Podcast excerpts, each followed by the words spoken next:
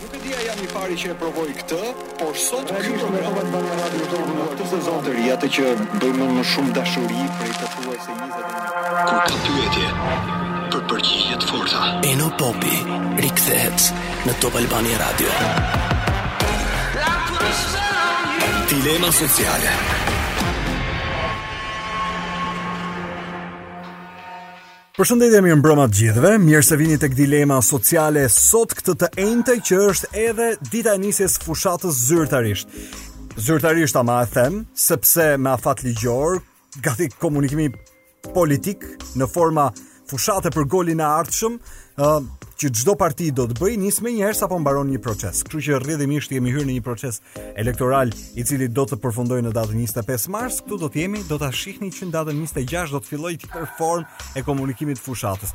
Demokratët dhe socialistët sot në fakt nuk e kishin lënë për t'u përplas kokë në kokë, por për rrethana të cilat dje u komunikuan ndryshe dhe sot gjatë ditës pastaj patën këto spostimet e veta ditore, Sot demokratët dhe socialistët i bie ta kenë filluar përpara gati 4-5 minutash fushatën në sheshin Skënderbej dhe po ashtu në bulevardin Dëshmorët e Kombit dhe sheshin Nënë Tereza.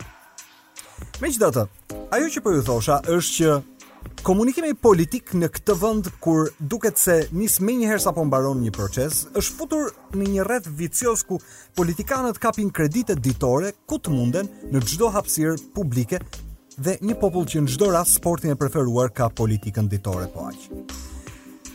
Në një kohë diku nga 2005-a, unë po mendoja një ditë me veten, mendova se njerëzit gjetën një lloj qetësie edhe si pjesë e rutinës politike, edhe pse Berisha në atë kohë i premtoi se nuk do ju dilte çdo natë shqiptarëve në ekran, por në fakt çfarë bëri bëri krejt kundërtën atë gjë që di më mirë të bëjë ai.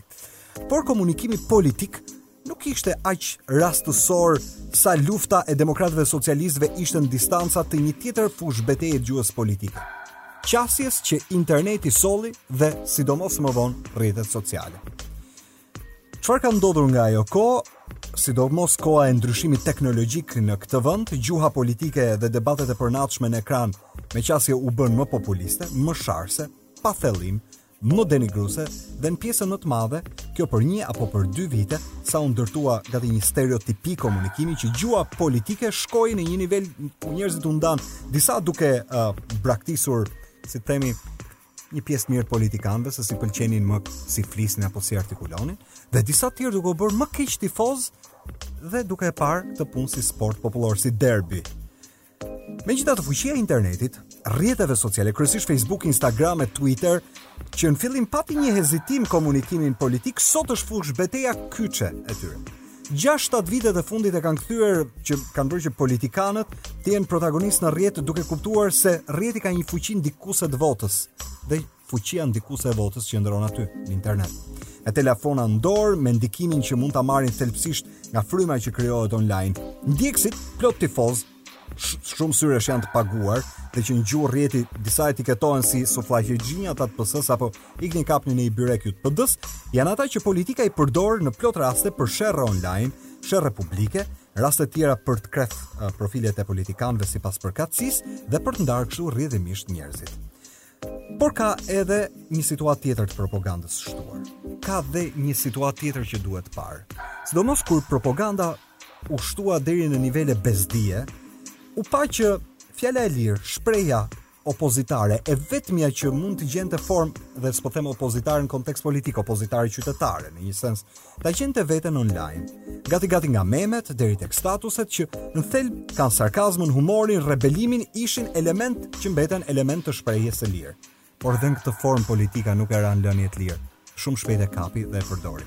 Sulmet politike zbritën në gjuhën e rrjetit, komunikimi politik dhe debati u përshtat me memet dhe talljet për kundërshtarin.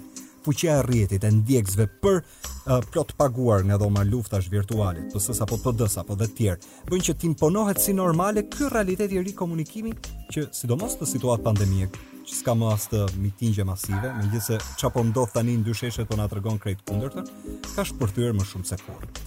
Dhe në ditët që jetojmë, është krejt normale Po ashtu të ngresh një pyetje për atë çfarë po ndodh. Si gjykohet gjuha politike që përdorin partitë? A është ajo larg komunikimit konvencional, politika ka zbritur në nivele humori popullor dhe rrjetesh sociale?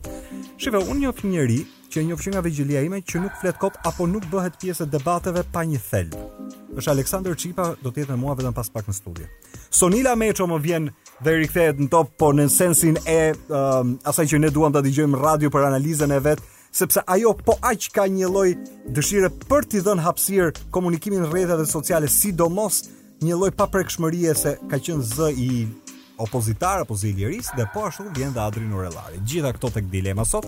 Mirë, për gjithë ju që jeni duke na dëgjuar tani dhe jeni në makinë, natyrisht jeni në lëvizjen rutinën tuaj ditore edhe pse sot është dita e fillimit të fushatës, kam lënë porosi vetëm pas pak në momentin që dalin ë uh, Rama edhe Basha në artikulimin e tyre të parë për të hap fushatën, natyrisht që do të kemi në program po aq.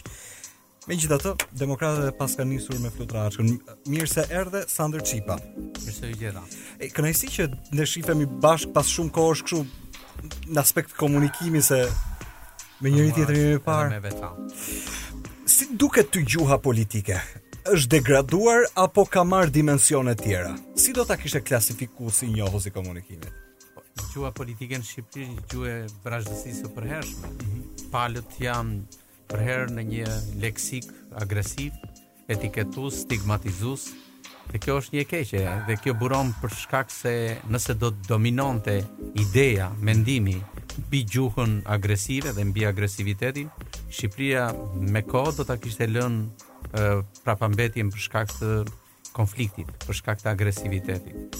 Dhe do të kishim një shoqëri tjetër. Shoqëria shqiptare është më e maturuar. Mm. Pjesa më e madhe, shumica e saj është e heshtur dhe heshtja nuk është prej e, infernalitetit apo dobësisë, por është heshtje prej pakënaqësisë. Dhe nëse përgjithësisht dhe mbetemi te kjo e fundit, nëse përgjithësisht njerëzit që kanë vendosur të heshtin, ha, dhe nuk vendosin të marrin pjesë. Kujt ia kanë lënë gjithë këtë fushë veprimi?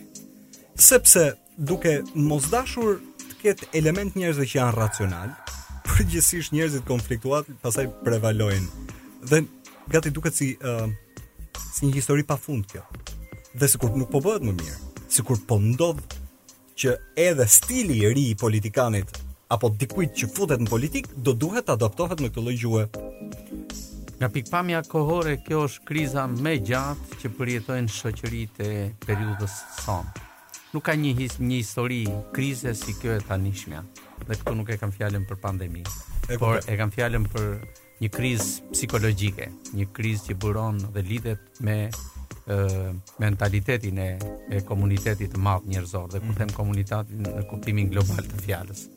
Ëm ne nuk kemi triumfe idesh. Jo, po.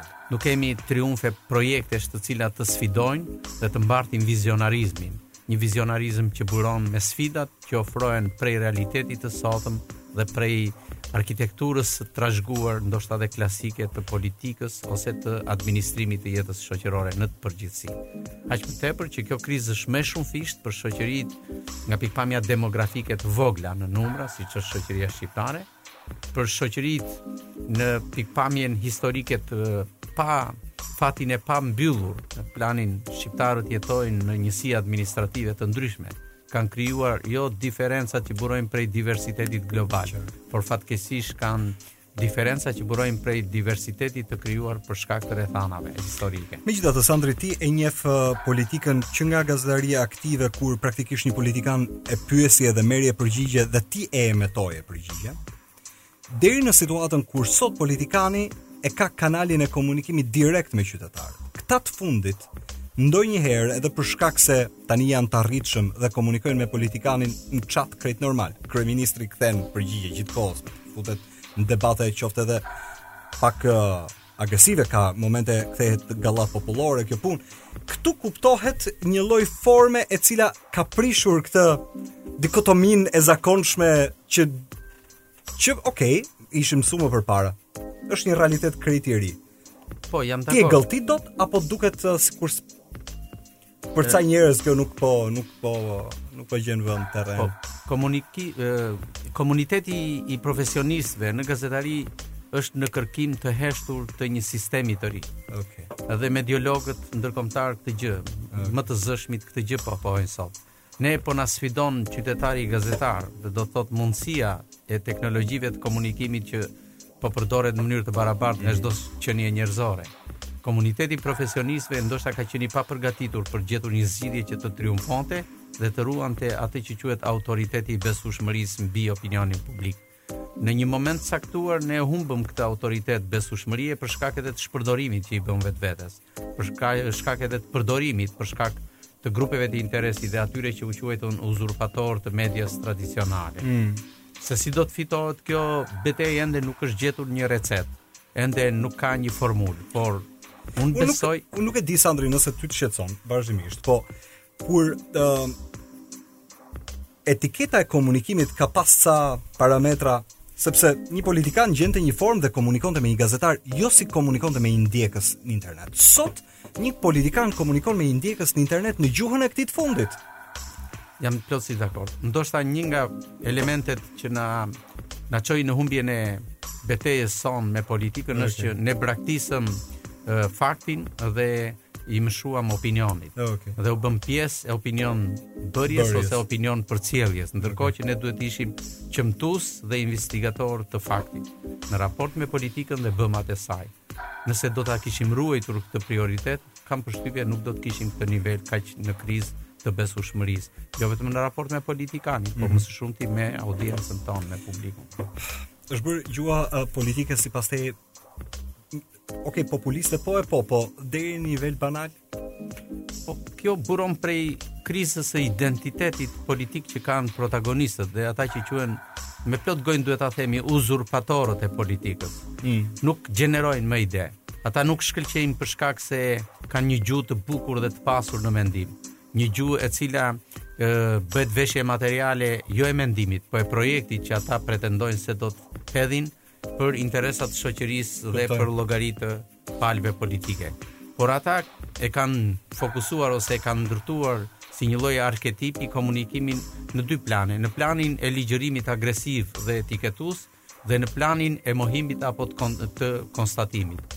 Po të kishim jo një gjuhë kon vetëm konstatuese, por një gjuhë të projektimit të një ideje të re, të jeni të sigurt që edhe rotacioni do të ishte shumë i shpeshtë dhe do të ishte shumë më i cilësishëm.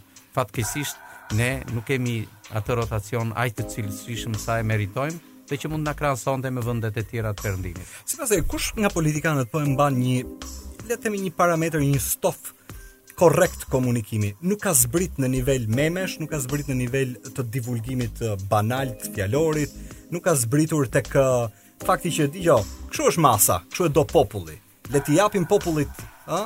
Sidomos masës online këtë lloj gjuhe.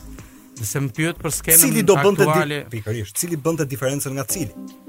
Nëse më pyet për skenën aktuale politike në Shqipërinë administrative, e kam vështirë ta gjej një të tillë. Por nëse më pyet në hapësirën shqiptare, po, unë besoj se deri në çastin që po flasim e ka Albin Kurti. Që të paktën vazhdon ta ruajë, e ruan normën etike, peshën specifike dhe përmbajtësore të fjalës dhe në pikpamjen e kostumit etik të politik bërjes ende e ruan. Okay, por Sa të ndryshoj statusi nuk okay. e di. Jo, se dua të, të vendos ty përpara një lloj um, analize. A është ky i fundmi që mund të ketë ngelur? Mund ta marri fryma e ndryshimit apo ndonjëherë edhe kjo e uh, influencës online që dëgjo, ti duhet t'i përshtatesh masës. Masa mund të jetë edhe llum, s'ka problem, përshtatju masës. Jo, unë duhet besoj se ka një sentencë që thotë krizat janë gjithmonë shtatzëna me zgjidhjen. Ëh. Uh -huh. Dhe vërtet na mungon sot dhe kjo është një krizë, por kriza do ta pjellë diçka të re. Për shembull, nëse e keni vënë re një pjesë e mirë e shkrimtarëve të talentuar mm -hmm. në përgjithësi, janë njerëzit me një kostum gjuhësor dhe etike të lartë, sharmante dhe kjo është një gjë pozitive. Këtë model duhet ta imitojë politika. Se shkrimtari është njeri i lexuar, njeri që këmbgul të shumëfishojë dijet e veta, ndërsa politikanët sa më pak lexojnë, dhe kjo është një gjë e keqe. Ëm, um, unë nuk e di uh, Sandri nëse um, mbetemi tek uh, analiza nëse uh, demokratët që duan të vijnë në pushtet dhe socialistët që natyrisht duan ta mbajnë pushtetin fushëbetejën sidomos po e përdorin në gjuhën e komunikimit online dhe po përpiqen që të kenë të njëjtën frekuencë komunikimi si majtas si djathtas për të kapur votuesit. Nuk e di a e ndjen. E ndjej, e ndjej shumë. Dhe këtë e bëjnë sepse sot kjo mundësi dhe infrastrukturë komunikimi është ndoshta nga më demokratike, se i shkon edhe bariut në shpatin më të thepisur të malit, por edhe bujkut në fushën më të gjerë të mundshme të ultësirës perëndimore. Media tradicionale sa është tërhequr nga kjo? Se po të shohësh për shembull sidomos tani gjuhën politike që përdoret mbrëmjeve, është gati gjuhë rrjetesh sociale. Po media tradicionale vetëm radio televizionin duhet ta po, pranojmë. Pra, këtë po them. Ë televizioni gjithsesi e ruan në debatet tona gjithsesi edhe pse ka mm, momente të caktuara, po në disa prej formatet e programacionit të tyre, siç janë edicionet informative e tjerë, norma dhe kualiteti etik vazhdon fatmirësisht të ruhet. Të paktën editori e ushtron një kujdes. Në pjesën e debateve dhe polemikave po. televizive, kjo është një çështje pastaj që ha diskutim. Unë do të jap edhe 2 minuta kohë Sandri sepse e di që praktikisht i ke uh, angazhimin edhe ikjen tënde për ndërkohë jam duke një sy e kam tek fushata, ha, kam paralelisht ndërkohë ça po ndodh edhe me socialistët dhe demokratët. E lanë për të mos u përplasur, por u përplasën kokë në kokë. Përpiqen në një mënyrë që të kenë Të dyja partitë formë organizimi, por duket sikur gjitha bateritë po i shkarkojnë te komunikimi direkt, ai online. Dhe po aq siç po thosha, gjuha politike që po përdorin tani nga udhëheqësit kryesorë deri tek kandidatët më inferiorë për deputet, është që të kapin uh, publikun online. A mendon që aty është Shqipëria e vërtetë? Jo, aty është Shqipëria virtuale. Po pse Shqipëria virtuale ngatrohet me Shqipërinë e vërtet dhe po japin një investim gati qenësor të dyja partitë? Dua ta besoj që ka një aleancë midis pandemisë edhe virtualitetit sot. Uh -huh. Në kontekst me fushatën elektorale për të cilën po më pyesni.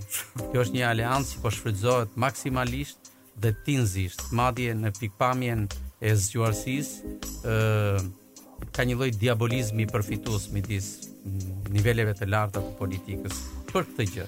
Pra kriza e pandemisë që përjashton ind, indulgjencat e masivitetit edhe të pjesëmarrjes drejt për drejt të aty që mund të konsiderohet patosi i uh, pjestarve të elektoratit, do të përjashtohet, do të sfumohet nga mundësia e shfrytëzimit të hapësirës virtuale. Propaganda online që të bezdis? Pa dyshim shumë. E ndjen shumë. Ka shkuar deri në palc. Është kuota më e lartë e ndotjes estetike që ka në mënyrë masive një shoqëri siç është kjo prej virtualitetit. Dhe kjo është e fundit. Mendon që edhe nëse ka një cikël ndrimi politik, ata do sillen po njësoj? Unë dua të besoj që qarkullimi i elitave dhe në mënyrë të veçantë uh, ardhja e një modeli më eficient okay. në Evropë dhe në Perëndim do të ndihmojë që ne të ikim nga ky lagëm. Mbetet për të parë. Unë Sandri të falenderoj që erdhe në program. Nice. Edhe mm, Shëve, unë dhe pres më bashkohet dhe pas pak Sonila Meço Pas Sonila, falemderit që je në radio Shëve, unë e di që ti je e zëshme kur bëhet fjalë për shprehjen, sidomos shprehjen e lirë që mm -hmm. gjeti ambientimin online edhe për shkak të siç ti ndonjëherë thua propagandës agresive mm -hmm. që ju servir shqiptarëve në një mm -hmm. sens. Ama ajo që unë po uh, diskutoj dhe që kam ngritur mm -hmm. në pyetje është diskutimi politik sot. A ka zbritur në këtë nivel të diskutimit të rrjetit apo ti nuk e ndjen këtë? I referohesh diskursit politik të vetë politikanëve po, po, vet apo në përgjithësi? Jo, vetë politikanëve. Mm. Gjuha e komunikimit politik ka zbrit gati në nivelin e rrjetit. Absolutisht. Shiko, nuk mund të themi ka zbritur në nivelin e rrjetit në kuptimin e jo, në kuptimin e kësaj se kur e thua gjuha e rrjetit duket sikur e e ë keqëzon, s'dua të them pejorizon, e keqëzon rrjetin domosdoshmërisht, në rrjet ke ke shumë çka. Rrjeti ka dhe mendimin e kulluar, madje unë mund të them, është një kuriozitet, Unë nuk e nis ditën duke shfletuar më faqet e shtypit apo duke parë, por janë disa adresa që unë kam vënë në database-in tim, mure Facebooku, mure rrjetesh sociale, që janë njerëz që unë i çmoj, janë koka, një pjesë janë edhe nuk i njoh, nuk i di kush janë. Dhe unë nis me ata që kanë një si kullim përsiatës të ngjarjes ndodhur një ditë më parë apo të ndodhur rishtas. Që do të thotë, prandaj them kur zbresim ke rrjeti. Tani, rrjeti është i madh siç është edhe media tradicionale e madhe. Ti brenda medias tradicionale ke edhe kulmet Mhm. Ke edhe pjesë të tjera që mbushin. Uh, unë nuk shoh diskurin politik që ka rënë në nivelin e rrjetit. Rrjeti është populizëm, sepse i tillë është krijuar, është krijuar. Qartë. Uh, dhe, dhe politika ka zbritur në populizëm. populizëm. Bravo. Akut. Pra, nuk mund të them këtë doja të të ti e saktë në atë që do të thoje, okay. jam e bindur që po thosh. Atëherë le të themi ambientimi në rrjet është vjen më natyrshëm. Ama. Mm -hmm. Edhe atë hapësirë lirie, se meqë po më tregoje për shkak se hapësira virtuale është krejt personale dhe uh, sigurisht sanksionon askush. Mm -hmm. uh, nëse mm -hmm. nuk do vetë.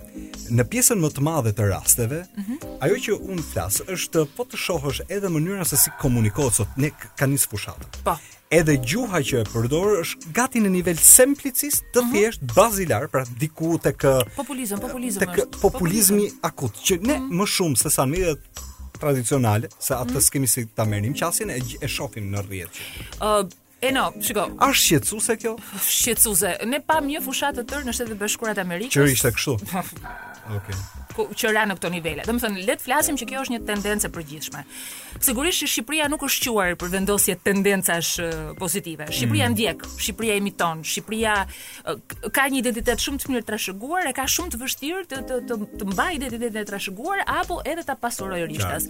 Kështu që nga kjo pikëpamje është shqetësimi. Shqetësimi është sepse çdo njeri që ka një formim, që ka një pritshmëri, patjetër pret që kjo të reflektohet tek përfaqësuesit e vet politikë. Qartë. Nuk e kemi, nuk e bën, po ja ku ke Shtetet e Bashkuara të Amerikës. Unë dëgjoj fushatat e um, partive të djathta ekstreme në Gjermani janë me të njëjtën gjuhë. Ja. Meqë ra fjala tek gjuha. Zoti Basha po flet. Hajde ta dëgjojmë. E dëgjojmë. Është momenti i fushatës live. Kështu që ne, ne do të tani ndryshimit për çdo shqiptar. Sonila ku ndodhin ty që gjithmonë ti je live dhe po. improvizon.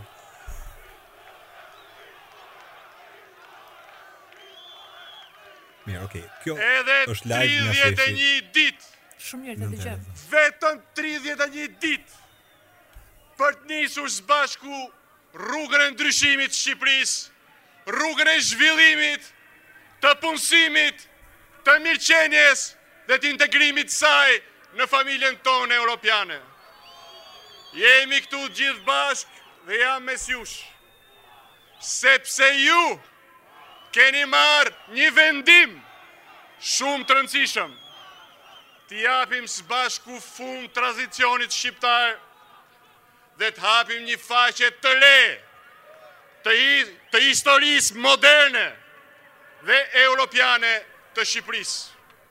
Të mundësojmë që më të mirët, më të ndershmit, të drejtojnë fatet e vendit, sepse familja jonë e madhe, Shqipëria ka nevojë sot më shumë se kurrë për punë, nder dhe ndryshim rrënjësor.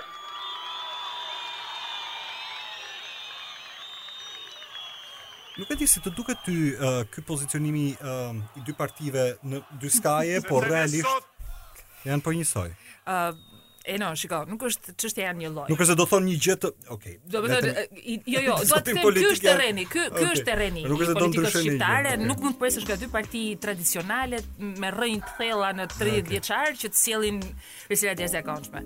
Po, le ta themi, kjo është një fushatë në kohë pandemie. Madje unë prisja të ishte akoma më e më e kufizuar, do të thotë kush e sheh sot grumbullimin e PD-s, nuk e di, ka nisur fushata e Sës më duket kishin vendosur vetëm 140. Do të thotë se isha rrugës duke ardhur. Nëse ne do ta kalonim linjën paralel, është duke folur Erion Braçe tani, ende si ka ardhur radha zotit Rama. Okej. Okay. Se po flasin të parët e listave. Okej. Okay. Kështu që në kohë pandemie unë prisja që të kishte një riformulim mm. ë të së tërës në në shumë vende fushatat nuk janë realizuar dot. Realizohen janë bërë virtuale etj etj. Ë llogarit pandemie, llogarit uh, ky vend kaq mund të prodhojë. Dy forca politike të mëdha që janë si ata uh, mamutët e mëdhenj që me zor lëvizin e të ngarkuar, por uh, Eno, unë nuk e di si është pritshmëria e çdo shqiptari nga fushata, sot për shembull dëgjoj ka dhe nga ata që janë shumë uh, qibar, që okay. thonë dua të dëgjoj premtimet që janë etj etj, për mua është një film i parë, nuk kam surprizë. Në fakt, këtyre zgjedhjeve u jap rëndësi për dy gjëra madhore, e para sepse kështu nuk shtyhet, po. Domethënë është krijuar një lloj shteti uh, monster në kuptimin e mosfunksionimit të institucioneve, mungesa e opozitës në parlament, pushteti në duart e një partie, nuk ka rëndësi kush e ka fajin apo jo, nuk vlen tani, jemi në fushatë, do ta themi me votë, çfarë ka vlejtur apo jo. Por ky ky është një shtet i i shformuar i i do të monster, ëh? Kështu që praktikisht unë pres e para kjo. Dhe e dyta Eno sepse ka diçka. 8 vjet janë shumë Eno. 8 vjet janë shumë për për secilën forcë. Domethënë këtu ndryshku është aq. i, i madh që, duhet flakur rrota. Ajo që kam frikë, uh, Sonila, dhe nuk e di a e kalon ti ndonjëherë në po? nëpër mend, është pjesa e uh, historisë që përsërit veten, që do të thotë mm -hmm. pavarësisht rotacionit politik, disa forma që u krijuan që ndoshta po. uh, shumë syresh mund t'ia shihnin lezetin kësaj propagandës e cila mhm. krijonte frymë dhe fryma pastaj ndonjëherë përçarje, përçarja uh, shpërqendrim nga vëmendja mhm. etj etj. Mhm. Si eksperiment që të paktën me Partinë Socialiste u provua, kam mhm. frikë unë se mhm. mos ndoshta demokratët si terren e kanë gjetur gati dhe do ta aplikojnë dhe ata. A ke ti po aq një frikë se mundet rrjedhimisht që gjëja të vazhdojë, mos ketë një ndryshim në këtë aspekt? unë nuk e di që Rilindja kur erdhi erdhi me një filozofi të vetën. Dhe është lehtësisht e identifikueshme. Partia Demokratike duhet provuar, nuk e di, në pushtet si do të ishte Partia Demokratike e Lulzim Bashës, ë? Pra, duhet provuar sepse nuk di dhe unë të them. Ama ka diçka, në kulturën tonë politike të qeverisjes dhe të opozicionit, të rralla kanë qenë periudhat e një paqe politike, në kuptimin e mirë të fjalës, për të prodhuar një reformë apo diçka të aftë. Terreni është jashtëzakonisht i tensionuar. Unë nuk e di si do shkojë kjo fushatë.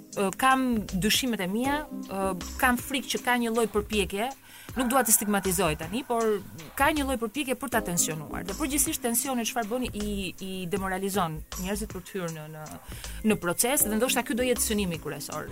Unë mbetem me uh, Sonila Meçon në studio. Se thotë dilema sociale aty, po këtu është dilemë e çdo lloji, domethënë këtu është edhe vetë uh, Dilemë psiqike. Shpesh më pyesin ore ti me këtë titullin e programit. Ti ke parë dilemën sociale në Netflix? Ne ia huazuam uh, titullin uh, dokumentarit dhe e morëm për emër programi, sepse është i bukur. Realisht këtu ka njerëz që vazhdimisht nëse e vrasin mendjen e shohin që ka disa dilema të cilat nuk janë të pazgjidhshme. Prandaj Jep zgjidhje. Dilema psiqike, jo thjesht sociale, këtë doja të thoja, është shumë e thellë. Unë nuk e di në term uh, më më të vogël, më familjar. Uh -huh. Natyrisht tek familja jote e vogël. Ka ca momente që ti e ndjen se uh, politika rezonon në uh mhm. -huh. diskutim krejt normal apo diskuton ose rezonon në diskutim gati uh, politika si sport popullor, si derbi. Është, shiko, politika ka qenë sport popullor deri para disa vitesh. Tani është tharë, as sport nuk është më. Pra, Do të thënë, ti e mendon. Është tharë, po, po absolutisht. Është shtrydhur, është një limon i shtrydhur tek i cili ti nuk ndjen asnjë lloj satisfaksioni. Do të thënë, kur ne sot kemi arritur në ditën që themi, ok, të të të bëhen zgjedhjet që të paktën të ndodhë, të funksionojë normalisht shteti, do të thënë ti ke hequr dorë nga çdo lloj pritshmërie, nga dilemat sociale, mm. ekonomike etj etj. Do të thënë, E ke zhbërë. Nuk është më sport, nuk është më interesante, nuk është fare e bukur. Madje unë ta them troç, po shihja sot edhe promot e uh, fushatës të forcave politike. Unë ta them me sinqeritet, pashë nja 3 a 4, domethënë më më, më, të dobta, shumë të dobta. Do të thënë ku mi ke, më mirë kisha marrë një nga këta artistët e memeve të Facebookut, kisha marrë Bryla, Gen Ceko, ku ta di unë çfarë ka tjetër. I vija me ato memet dhe se sa ai lloj produkti i dobët, i cili në vetvete në fakt në fakt është uh, virtyt i asaj që është duke ndodhur. Do me thënë, kështu duhet të jenë promot për këtë lloj politike që bëhet tek ne. Ti e ke parë uh, gjuhën e rrjetit si gjuhë uh, opozitarizmi, si gjuhë e një hapsire të lirë. Jo gjithmonë. Un, aq sa të kam ndjekur te Tempora, um, kam kuptuar që i ke dhënë hapësirë disa prej pa. Po. brendeve të cilat në një farë forme apo qoftë po. edhe me meme. Pa. Po. Qoftë edhe me statuse. Që, e vërtet. Janë hapësirë lirie. Janë, e vërtetë. Ama këto elementë sot mm -hmm. politika po i përdor. Po të shohësh me mm -hmm. domethënë memet pejorative, sulmi nëpërmjet mm -hmm. edhe uh, elementëve që janë foto, video, pa. Po. animacione. Pa. Po. Sot po sponsorizohen seriale të animuar pa, për njërin apo për tjetrin. Kam parë, kam parë. Pikërisht, këtë dua të them. Absolutisht. Po. Shife në ç'gjë kemi, a, a krijon kjo frymë? Mm. A mund t'i shkosh votuesit në këtë lloj forme? Pse partitë politike mendojnë që po të shkojmë kështu, Ne sepse, marrim vota. Sepse, shiko, nuk unë ta them këto gjërat janë të lidhura, këtu është veza pula pula veza nuk mm. e gjen dot. Në ç'kuptim, politika është bërë e tillë. Politika nuk është më as spektakël, jo, po është ja. një uh, estradë e nivelit uh, televizionit të viteve 90. Pra, vetë politika, vetë politika ka arritur, nuk bën më politikë. Vetë politika nuk bën. Politika nuk ka më filozofi, politika nuk ka më politikë, politika nuk ka më ekspertë. Politika është një show në të cilin një person i vetëm merr përsipër, pra ajo që ne quajmë kryetarokracia, merr përsipër të jetë babai i kombit dhe gjithë pjesa tjetër nuk janë gjë tjetër veçse të rreshtuar. Dhe e shndërron le ta themi që Edi Rama me me mm. talentin e vet në artin vizual prodhoi këtë lloj politike. Biles më vjen të qesh atë doja të të kujtoja se po shihja në Rusi mm. këtyre uh, gazetarëve apo njerëzve edhe në rrjete sociale dhe në media, të cilët si të thuash mbështesin uh, qeverinë ruse dhe këto sjelljet autoritariste, edhe këtë spektaklin ja. autoritarist, i quajnë propagandon, që është një bashkim i propagandës me kondomin. Si prezervativi, po dhe quajnë propagandon dhe në fakt në thelb, në thelb po, kjo është uh -huh. eksaktësisht vlen edhe në rastin tonë. Kështu që uh, Eno t'ia kërkosh këtë gjë, domethënë t'i thuash që pse partitë politike përdorin, sepse në fakt Shiko, uh, orkestrën e vë në lëvizje ai që është në pushtet, ë, në kuptimin që sepse ai zgjedh strategjinë që duhet të funksionojë dhe opozita e ndjek. Tani t'i thuash ti një opozite e cila doli nga parlamenti. E dobët, ë, uh, me 1001 kusure. Ë, uh, t'i thuash opozitës pse nuk e ngre ti stekën, ndërkohë që ky tjetri që ka gjithçka, ka gjithë institucionet, ka parlamentin, ka pushtetin lokal, pushtetin qendror, e dirigjon orkestrën në këtë lloj mënyre, tani është, me thënë, s'do t'i shkosh ti, kësaj tallavaje, do t'i shkosh me muzikë simfonike, sigurisht do fillosh të marrësh notat. I, i përgjigjesh. Jo me të njëjtën monedhë, jo. do marrësh notat dhe gradualisht për të bërë atë kalimin tranzicional nga tallavaja në Kjo është e fundit Sonila. Ti ëm um, unë e kuptoj që në takimet e përmuajshme me uh, sondazhet e Notos, Notos, të cilat më lejo këtë ta them, uh mhm. -huh. edhe për shkak të interesimit si koleg me njerëz të ndryshëm kanë për momentin reputacionin më të dukshëm publik. Ka dhe një historik ai besueshmërie, Eno sepse në 13 vite i ka gjetur të gjithë rezultatet. Dikush më tha po aq, po. pikërisht për këtë arsye, më tha po po, po të hyn historiku, tha historiku flet në favor të tij. Të tij, po. Dhe duke lidhur pak Unë e njof, uh, si me thënë, sqimën tënde e cila vjen jo vetëm prej formimit akademik, por rrjedhimisht edhe analizës personale. Si i bëhet Sonila mm -hmm. që ata që vazhdimisht ty të rezultojnë në sondazhe, mm -hmm. njerëz që nuk lëvizin, që quhet mhm. ne i themi elektorati gri, po janë po. të pamotivuar. Mm -hmm. A mendon që është vetëm çështje fryme që nuk i lëviz ata nga shtëpia për të votuar apo ajo është Shqipëria që snobon, Shqipëria që nuk duron, Shqipëria që injoron, Shqipëria që nuk pranon, Shqipëria që jep një mesazh nëpërmjet mosvotimit. Eno, ka diçka. Kjo lloj Shqipërie që kjo është e fund. Okej, okay, kjo lloj Shqipërie që ti thua pa merak fare për mua është si të flas gjithmonë me ty. Ëm, kjo Shqipëria që ti thua që snobon etj mm. etj, ki parasysh që një pjesë e mirë e saj ka ikur. Shqiptarët hoqën dorë nga protesta e çdo lloj forme, individuale, kolektive, verbale ose edhe nëpër rrugë etj etj dhe vendosën të ikin. Tani unë kam në rrethin tim miqësor, po dhe me sa më lejon njohjet e mia që nuk janë të pakta që një shtresë e mirë dhe i referohem asaj të mesme, së kultivuar etj etj, u lodh këtu, u ezaurua, vite të ikin, pastaj ne mos harrojmë që jemi në 2021-shin. Me thënë, ata që para 20 vjetësh kanë qenë 10 vjeç, sot janë 30, nuk kanë kohë për të humbur edhe një 20 vjeçar tjetër. Kështu që një pjesë e madhe kanë ikur. Ata që kanë mbetur, ë uh, sigurisht janë të lodhur me nivelin e diskurit, dhe ti tani kur sheh që çfarë nivelash bën ministra, zëvendësministra, apo ka në duar politika të rëndësishme dhe një amalgamë shumë e mirë shoqërore, mm. e formuar etj etj, lihet e spostuar, normalisht do të triumfojë dhe aty pragmatizmi, pra nga idealizmi ai thahet, Po edhe përfundon në pragmatizëm, thua një rrogë në shtëpi, marr një projekt, këtu dhe s'përzihem sepse nuk kam ndërmend që çdo 4 vjet të rri me ankthin, më hoqën nga puna, më mbajtën në punë. Për shembull, Pandeli Majko bëri një një lapsus shumë interesant, po ishte frojdian, ku tha në rast se humbet tha kjo maxhorancë, atëherë do vuajë administrata. Zoti Majko ende në psiqikën e tij mendon që administrata është Nuk është zoti Majko, pra, do të jenë me status nëpunësi civil. Ikën edhe administrata si valixhe ikën ajo. Ikë tash gjuna do mbeten. Kështu që Eno unë mendoj që është shtresa që vitet kalojnë është nuk mbetemi dot. Edhe unë në idealet e mia janë holluar, kanë mbetur disa, prioritizoj edhe unë. Normal, krejt normal. Ah, kështu që kjo është jeta. Po ti natyrisht s'je futur as në ditët më të këqija le të themi të politikës, jo mm. më të tjera pastaj tek ajo shtresa gri, unë e di që ti e tregon gjithmonë gishtin. e no, unë kam që në 2004, 2005, po, që ftohem për të bërë kandidate për deputete. Jo, ftohem për të bërë për të marrë pjesë në fushatë. votuar. E di, e di atë. Po, pra, atë nuk kuptova. Ah, atë nuk kuptove. Okej. Okay. Pra, në programet ti e tregon gishtin që thua, pra ti s'futesh te elektorati gri, ti thua unë kam votuar. Unë votoj, unë votoj, unë votoj, përgjithsisht po, po, po nuk do të thotë gjë, se mund të kem shkuar të votoj dhe kem vënë kryqin gjithandej, jo, po përgjithsisht dal, këtë gjë e bëj, nuk e them atë tjetër. Fakti pastaj. Po, fakti që del nga shtëpia, që del nga studio, se jam gjithmonë në studio, po. duhet të shkëputem. Por që uh, unë kam ta them troç, Eno. pavarësisht se unë kam punuar në Top në një periudhë që ishte opozitar me Berishën, konsiderohesha e majtë. Okay. Kam punuar në Vizion në një periudhë që ishte opozitar me Berishën, konsiderohesha e majtë. Punova në ABC, që ishte pro Berishës, konsiderohesha e djathtë. Kështu shkon kjo punë, mua më kanë spostuar këtej dhe andej, unë di një gjë, Eno. Në kaq vite, po të kisha pasur qoftë dëshirën më të vogël për të përfituar nga politika, do isha afiluar sepse i kam ofertat që prej 2004-s. Do të mbetem një votuese e rregullt, nuk do abstenoj. Abstenimi nuk e Jo, um, edhe unë kam vendosur mos abstenoj, s'ka asnjë arsye.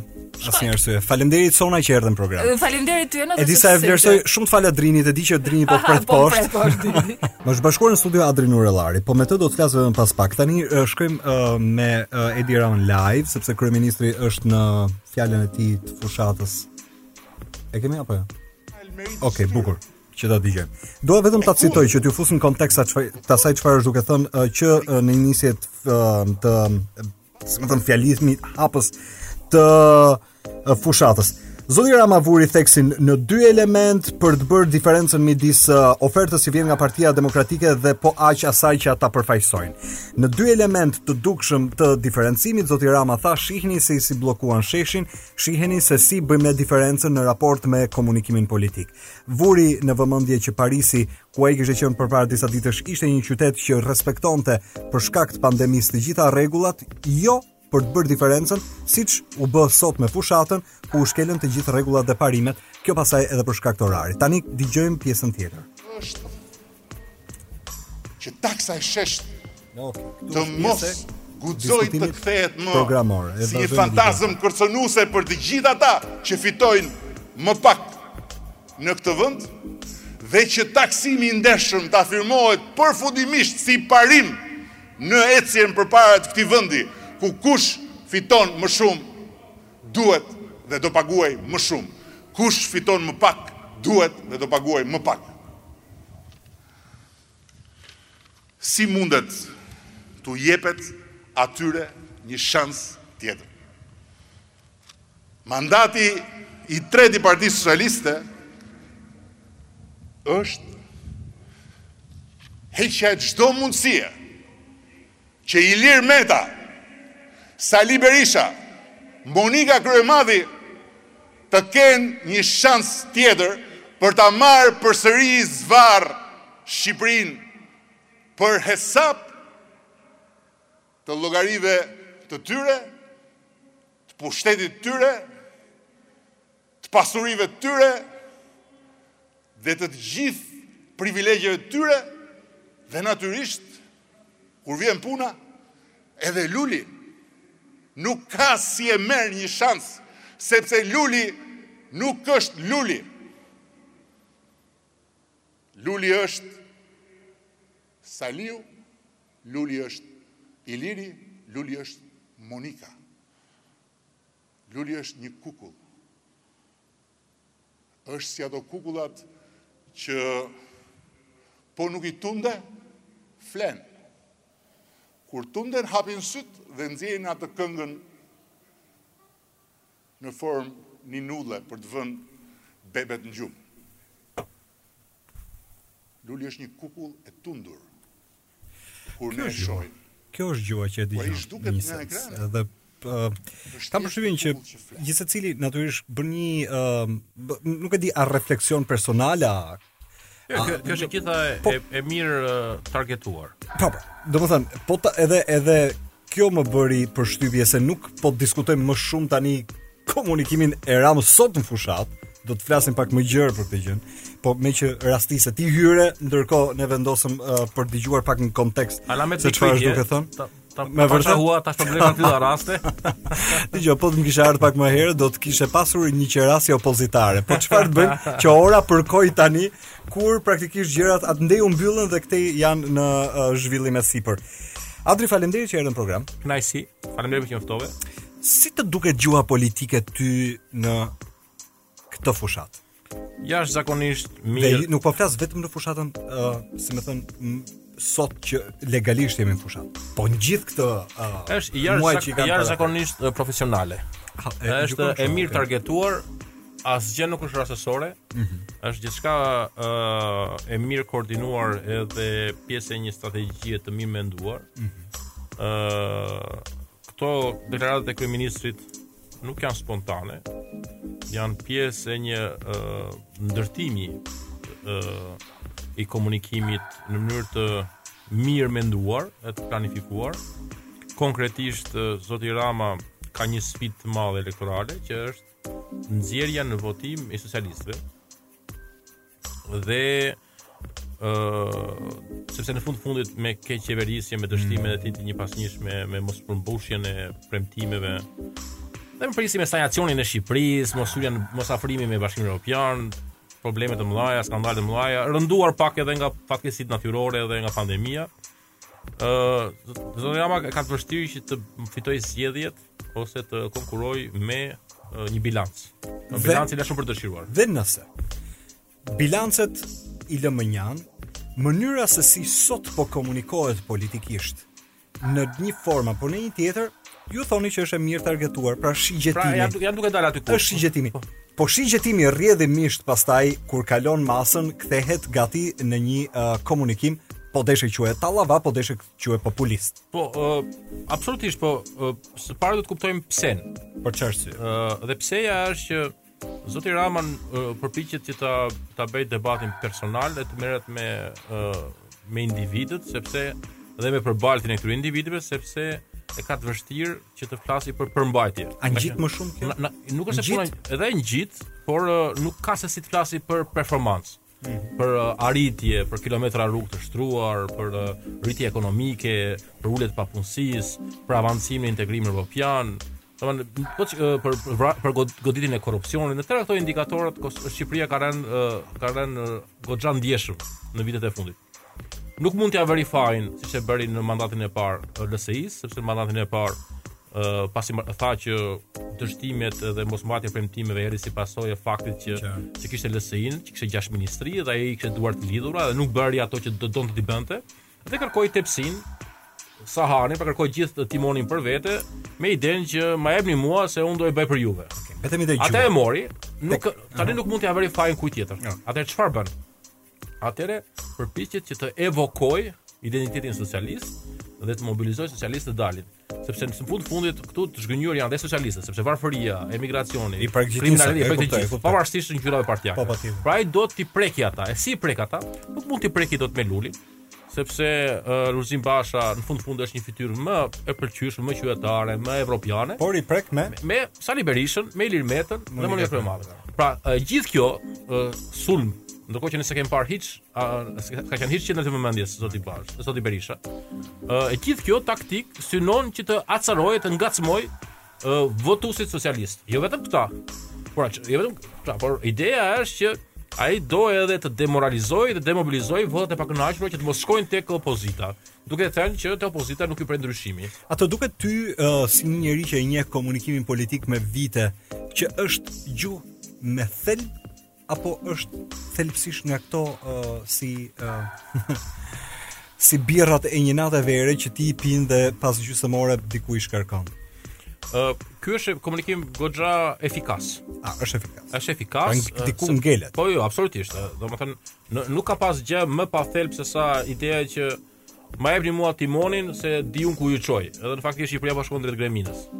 Ë uh, në në Evropë, në, për tre shekujt e fundit, nëse ka pas diçka që ka pasur si të thuash në qendër të përpjekjeve evropiane për demokratizim, edhe për cilësi jete, edhe për liri, edhe për të drejtat e njeriut ka qenë përpjekja për të parandaluar përqendrimin e pushtetit në një dorë. Prej iluministëve që luftuan kundër monarkizmit absolut, objektivi kryesor i lëvizjeve progresiste evropiane ka qenë që mos ketë një përqendrim pushteti. Prandaj kemi parime siç janë sovraniteti popullor, laiciteti, decentralizimi, garancia ligjore, sundimi i ligjit, konstitucionalizmi, ndarja e pushteteve, vetëm e vetëm që mos ketë pushtet të përqendruar në një dorë. Zoti Rama ia doli në zgjedhjet e kaluara të mobilizojë me një fabul që është krejt obskurantiste. Pra duke thënë që unë jam një despot i ndritur, m'i besoni mua të gjitha këto garanci që Evropa i ka siguruar me lumenj gjaku, revolucionesh të brendshme, revel, re, revoltash, kryengritjesh dhe thotë që ma jepni mua, tani njerëzit ia dhanë, e provuan, u zhgënjyen. Nuk kam mbetet me votë, pastaj pas datës 26 jo, në imajmë sa përgjigje. Por, Adri, po. unë dua të edhe njëherë të cilë ty po. në aksin e asaj që kam një lloj interesi për të diskutuar. Gjuha që po përdorin, po për këtë, do të flasim vetëm pas pak. E dëgjova si element komunikimi, uh, Basha kishte marrë këngën e Sias Unstoppable si po. kolonë zanore. Unë nuk e di socialistët uh, ndoshta e lëshojnë pak më vonë. Po kjo është periferike mendoj unë Ëh, për sa i përket ëh objektivave dhe strategjisë së fushatës. Mirë, okay. Po, gjuha është element po po thelbësor, po, po për këtë do të flasim vetëm po, pas pak. Po po, po gjuha në rastin e Ramës ë uh, synon që të demoralizojë ë uh, votat e pakënaqura okay. për mos pra quhet voter suppression, t'i depresionojë ato që të mos shkojnë tek PD-ja sepse sipas tij PD-ja nuk ka një lider të vërtetë. duke denigruar kundërshtarin dhe nga ana tjetër do t'i trembi votuesit socialistë thotë që shiko unë nuk jam i mirë po më mirë se unë s'ka shife të votoj pra, shoku pra, prandaj prandaj okay. po po po po ika unë shoku ju vjen ju vjen Saliu ju vjen Monika ju vjen Iliri kështu që okay, vetëm për këtë do të pyes vetëm pas pak një moment uh, para se Se unë jam me Adrin studio dhe çfarë po bënim, po i hidhim një sy edhe uh, një pjesë të komunikimit. Zoti Rama thotë se mund të ketë pakënaqësi, ndërkohë vazhdojmë lidhemi. Mund të ketë pakënaqësi, po si mund të përballohet pakënaqësia duke shtrënguar dhëmbët thotë ai. Dhe duke parë se mund të ngjitemi, të ngjitemi, të ngjitemi të shkojmë përpara dhe këtë fuqi për t'u ngjitur për të shkuar përpara e ka Partia Socialiste. Dhe sot që flasim Njëri prej tyre është në përfundim brenda pak ditësh, në Kukës. Tjetri, për shkak të shumë pengesave dhe vonesave që nuk ishin objektive, që nuk ishin subjektive, por po ishin objektive, më falni, fillon nga puna së shpejti. Tjetri më poshtë në Sarandë. Është edhe ai pjesë e planit të këtij mandati dhe tanimë me eksperiencën e të parit. Me gjithë çfarë mësuam nga puna për të filluar punë për të dytin. Sigurisht që do ta kemi shumë më të lehtë të tretin sepse është dhe më i vogli.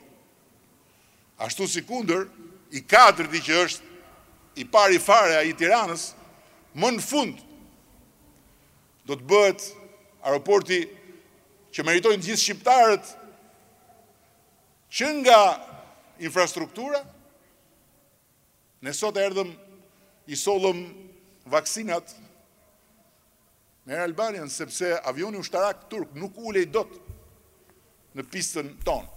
Dhe ne e dimë shumë mirë që pista e aeroportit të Rinasit nuk i ka kapacitetet për të ulur avionë përtej një përmase të caktuar dhe një peshe të caktuar. Gjithashtu, kur e dëgjon, dhe nuk na lejon dot. Krejt një uh, po aq fjalim i zakonshëm që ne e kemi dëgjuar në uh, takimet uh, zyrtare, takimet informale të zotit Rama, mënyrën se si po ashtu ai e komunikon online, në dalje televizive. Pra, nuk është se ka një qoftë edhe ë kapja me kundërshtarët që e dëgjuam pak përpara. Pra, nuk është se ka një diferencë. Kjo fushatë nuk është se do të sillte një tjetër bash, një tjetër Ramë komunikim. Ë, uh, unë mendoj që ke të drejtë në një element këtu që ka të bëjë me me faktin që Rama ka përqafuar atë që quhet fushata permanente. Pra, ë uh, ku i dedikon një pjesë të mirë të kohës së qeverisjes pikërisht komunikimit. Ëh. Mm -hmm. Prandaj, ë uh, edhe përgatitjet për për zgjedhjet. Për ë uh, për zgjedhjen e strategjisë së komunikimit, mesazheve qendrore, që të përdoren për komunikim, është bërë shumë më herët se të afrojë faktikisht afati formal i bërjes së fushatës.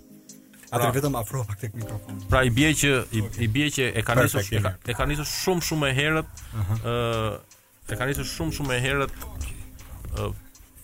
komunikimin mesazhin, propagandën dhe kjo është një vijimësi, domethënë e fushatës. Pra, ndodh kjo që quhet fushata permanente ku duhet që të edhe gjatë kohës së qeverisjes të përqendrohet një pjesë e mirë e qeverisjes pikërisht për komunikim, për show, për shfaqje, mm. për për bindje, vijmë pak tek gjuha, sepse ne e lamë pak më parë bisedën tek elementet e komunikimit gjuha e zgjedhur. Ore Adri, po ta shohësh, ka plot njerëz që janë bezdis nga kjo puna propagandës. Pra ka shumë që thonë, gjuha e përdorur është gjuhë propagandistike deri e ulur në nivel populist pa thelb pa argument.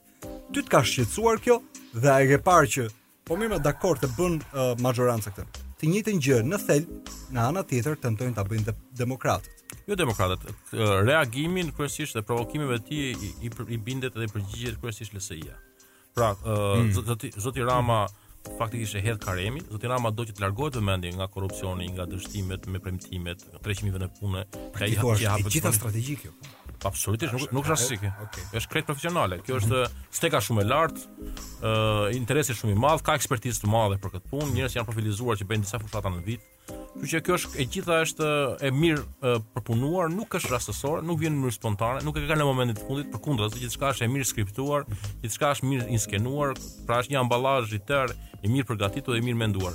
Konkretisht zoti Rama ka një strategji që do të të largojë vëmendjen nga çështjet kryesore të vendit, pra intereson. Ai nuk e bën se kjo i pëlqen, po ta dëgjoni Ramën e 2013 është krejt e kundërta. Në Ramën e 2013 të fliste për indikatorë dështimesh, të fliste për nivele korrupsioni, për të fliste për fakte, për politika, për për të dhëna uh, alarmante. Ai largohet këtyre sepse këto e nxjerrin dhe e fusin në një terren ku ka avantazh opozita. Ngaqë nuk, nuk ka se çfarë performance të mburret, Detyrohet që të largohet nga për, nga përmbajtja. Po si mund të largohesh më mirë nga përmbajtja? Nëpërmjet përbaltjes. Pra, shkon në përbaltje sepse do që të largohet vëmendja nga ato performanca të munguara dhe ta çojë vëmendjen te një telenovelë okay. turke, ish, që se telenovelat funksionojnë. Njerëzit kanë qejf thashethemet, kanë qejf të përflasin për emra të përveçëm. Dhe vim pak këtu. Interneti, pra. Po. ambientimi i rrjeteve sociale i ka dhënë terrenin më fantastik asaj që sapo përmende. Po. Po, është vërtet, por edhe ato nuk janë spontane.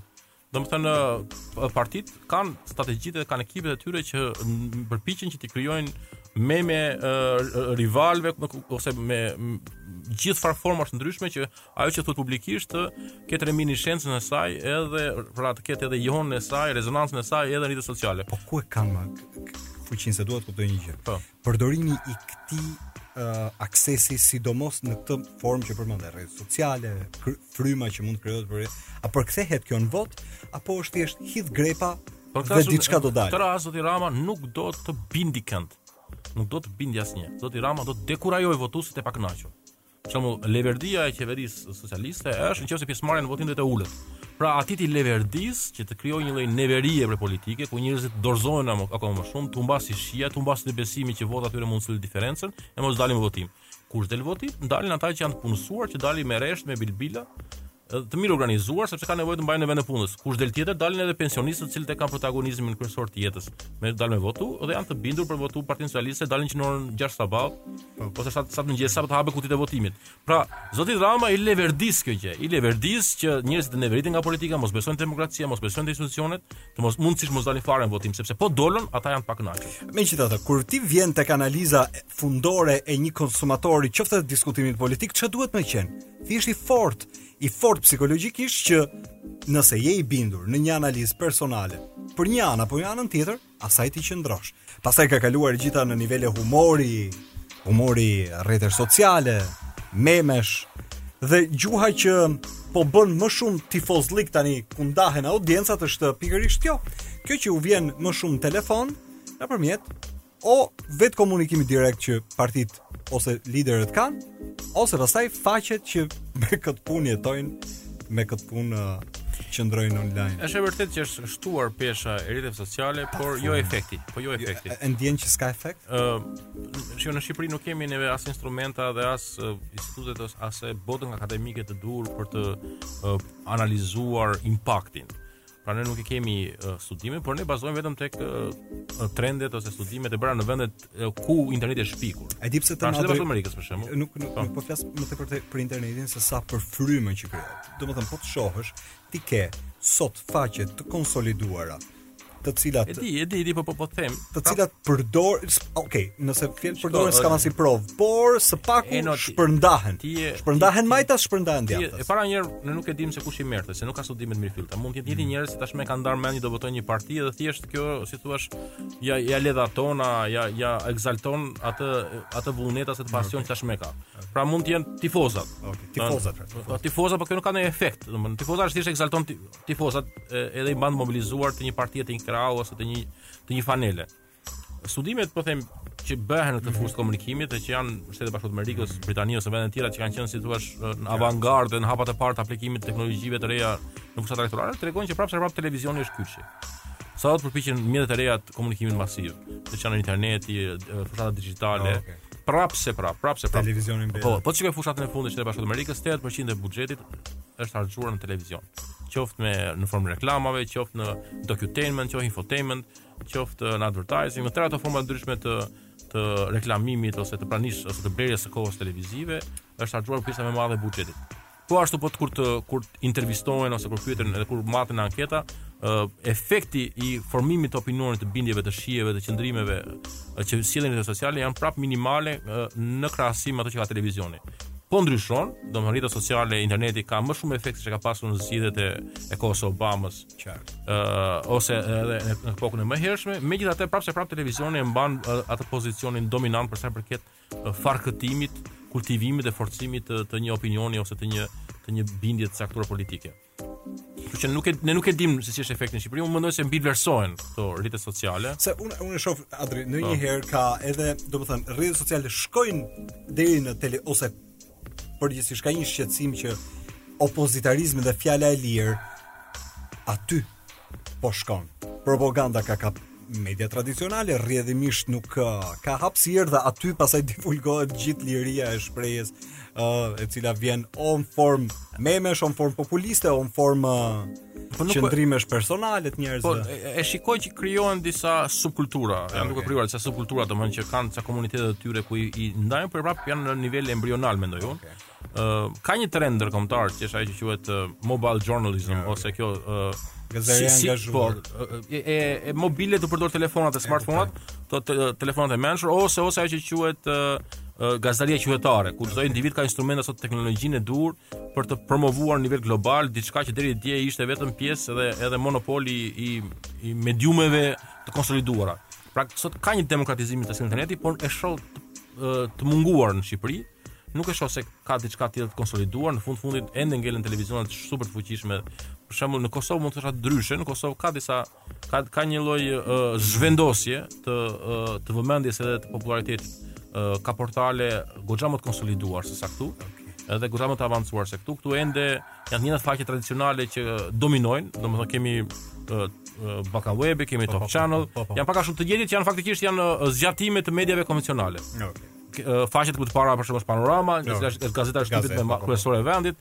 Kështu që nuk e kemi ende këtë dimensionin e krijimit të një media alternative. Në ca vende të tjera është kjo që si thua media alternative edhe përkundrejt mm. një dominimi të pronarëve të mediave me një edhe imponimit të tyre në një linjë caktuar redaksionale, por nuk e shikoj në Shqipëri ende. Unë të falenderoj që erdhe në program. Faleminderit. Sepse um, e para më kishte munguar komunikim edhe në atë që unë ta njoh më mirë ty me vite që është um, opinioni yt dhe analiza jote e qendërzuar politike mbi çfarë ndodh në këtë vend, sidomos në komunikimin politik. E dyta pastaj uh, ishte mirë me u pa. Po po, u bë pa, pa u takuar, shpresoj të ftosh prap. Po patjetër, e ne këtu jemi. Edhe për tema pak më më simpatike se sa kjo fushata e zhurmshme shqiptare. Po se të ftova për një gjë që ti e njeh mirë po, mund të të të të ftoj një ditë të flasim për atë që është pasioni jot që është vera. A do më vish? Me siguri, po pse jo? Po pse jo? Edhe se pak probleme për cilën përmjet radios. po po ti ke analizën tënde të verës, se ti je një gurme në fund të ditës. Kemi ardhur në fund, ju urojmë gjithëve të keni natë të këndshme.